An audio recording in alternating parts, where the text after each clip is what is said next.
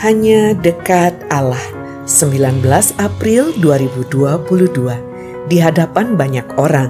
Lukas 12 ayat 8 sampai 12 Aku berkata kepadamu setiap orang yang mengakui aku di depan manusia anak manusia juga akan mengakui dia di depan malaikat-malaikat Allah.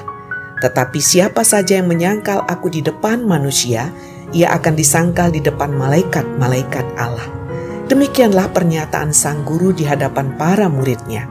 Yesus menegaskan mutlaknya sebuah pengakuan dalam suatu hubungan. Itu merupakan hal yang wajar. Tanpa itu, suatu hubungan akan terasa janggal, bahkan bisa dipertanyakan. Namun, ini anehnya, sang guru melanjutkan dengan pernyataan: "Setiap orang yang mengatakan sesuatu melawan Anak Manusia, ia akan diampuni." Tetapi siapa saja yang menghujat Roh Kudus, ia tidak akan diampuni.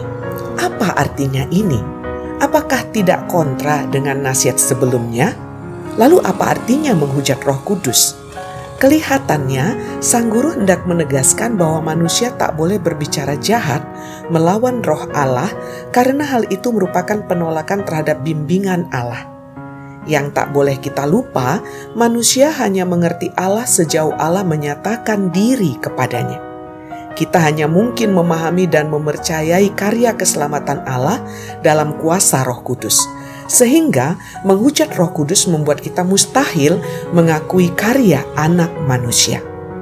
Mudah dinalar, seterusnya Yesus berkata, "Apabila orang menghadapkan kamu kepada majelis di rumah-rumah ibadat, atau kepada pemerintah-pemerintah dan penguasa-penguasa, janganlah kamu khawatir bagaimana kamu harus membela diri dan apa yang harus kamu katakan. Sebab pada saat itu juga Roh Kudus akan mengajar kamu apa yang harus kamu katakan. Ya, kita tak perlu membuat rumusan apa pun dengan kekuatan akal budi sendiri karena Roh Kudus akan memampukan kita mengatakan apa yang seharusnya dikatakan. Salam semangat dari kami, literatur perkantas nasional. Sahabat Anda bertumbuh.